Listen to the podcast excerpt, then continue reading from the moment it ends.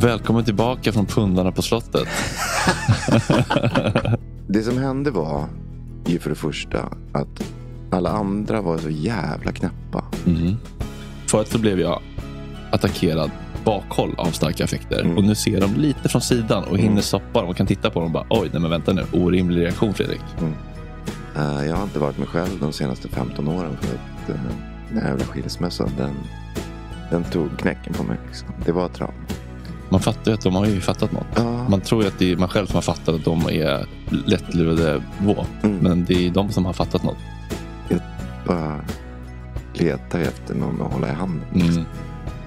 Alltså, det bara känns för jobbigt att vara helt ensam. Alltså tänk, tänk dig att ha en vd i ett bolag som bara är en påse sand.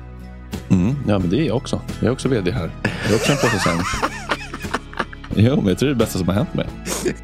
Om jag får den här diagnosen och det här pillret så kanske jag klarar livet i alla fall de få åren som är kvar. Mm.